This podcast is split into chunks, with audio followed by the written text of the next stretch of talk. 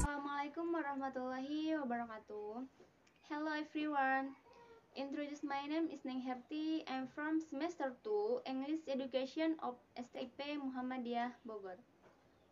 Today I will convey an opinion regarding the video that you have given to fulfill the basis exam assignment for fundamental spoken English. And the video that I will convey is from a senior named Natasha Sabrina Novianti. Please allow me. So, enjoy for watching. Do you feel the love? Based on the video I saw in the video, there were two women and they were discussing hypertension.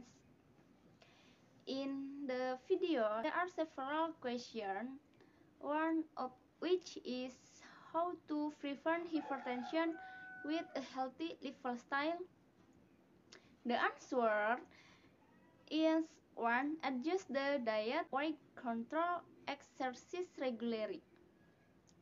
And the next one is about how to know the signs and symptoms of hypertension. One of them is one headache, two tired easily, three ears ringing. And my own opinion or the conclusion from the video I wanted is that when we want to avoid this disease, that is by avoiding factors that can increase the risk of this disease. Some effective way that can be done are one, achieve and maintain an ideal body weight. Do regular exercise such as brisk walking or three cycles to three hours every week. Three, eat low fat, high fiber food, fruit and vegetables. 4. Limit the amount of salt in food, no more than 1 teaspoon per day.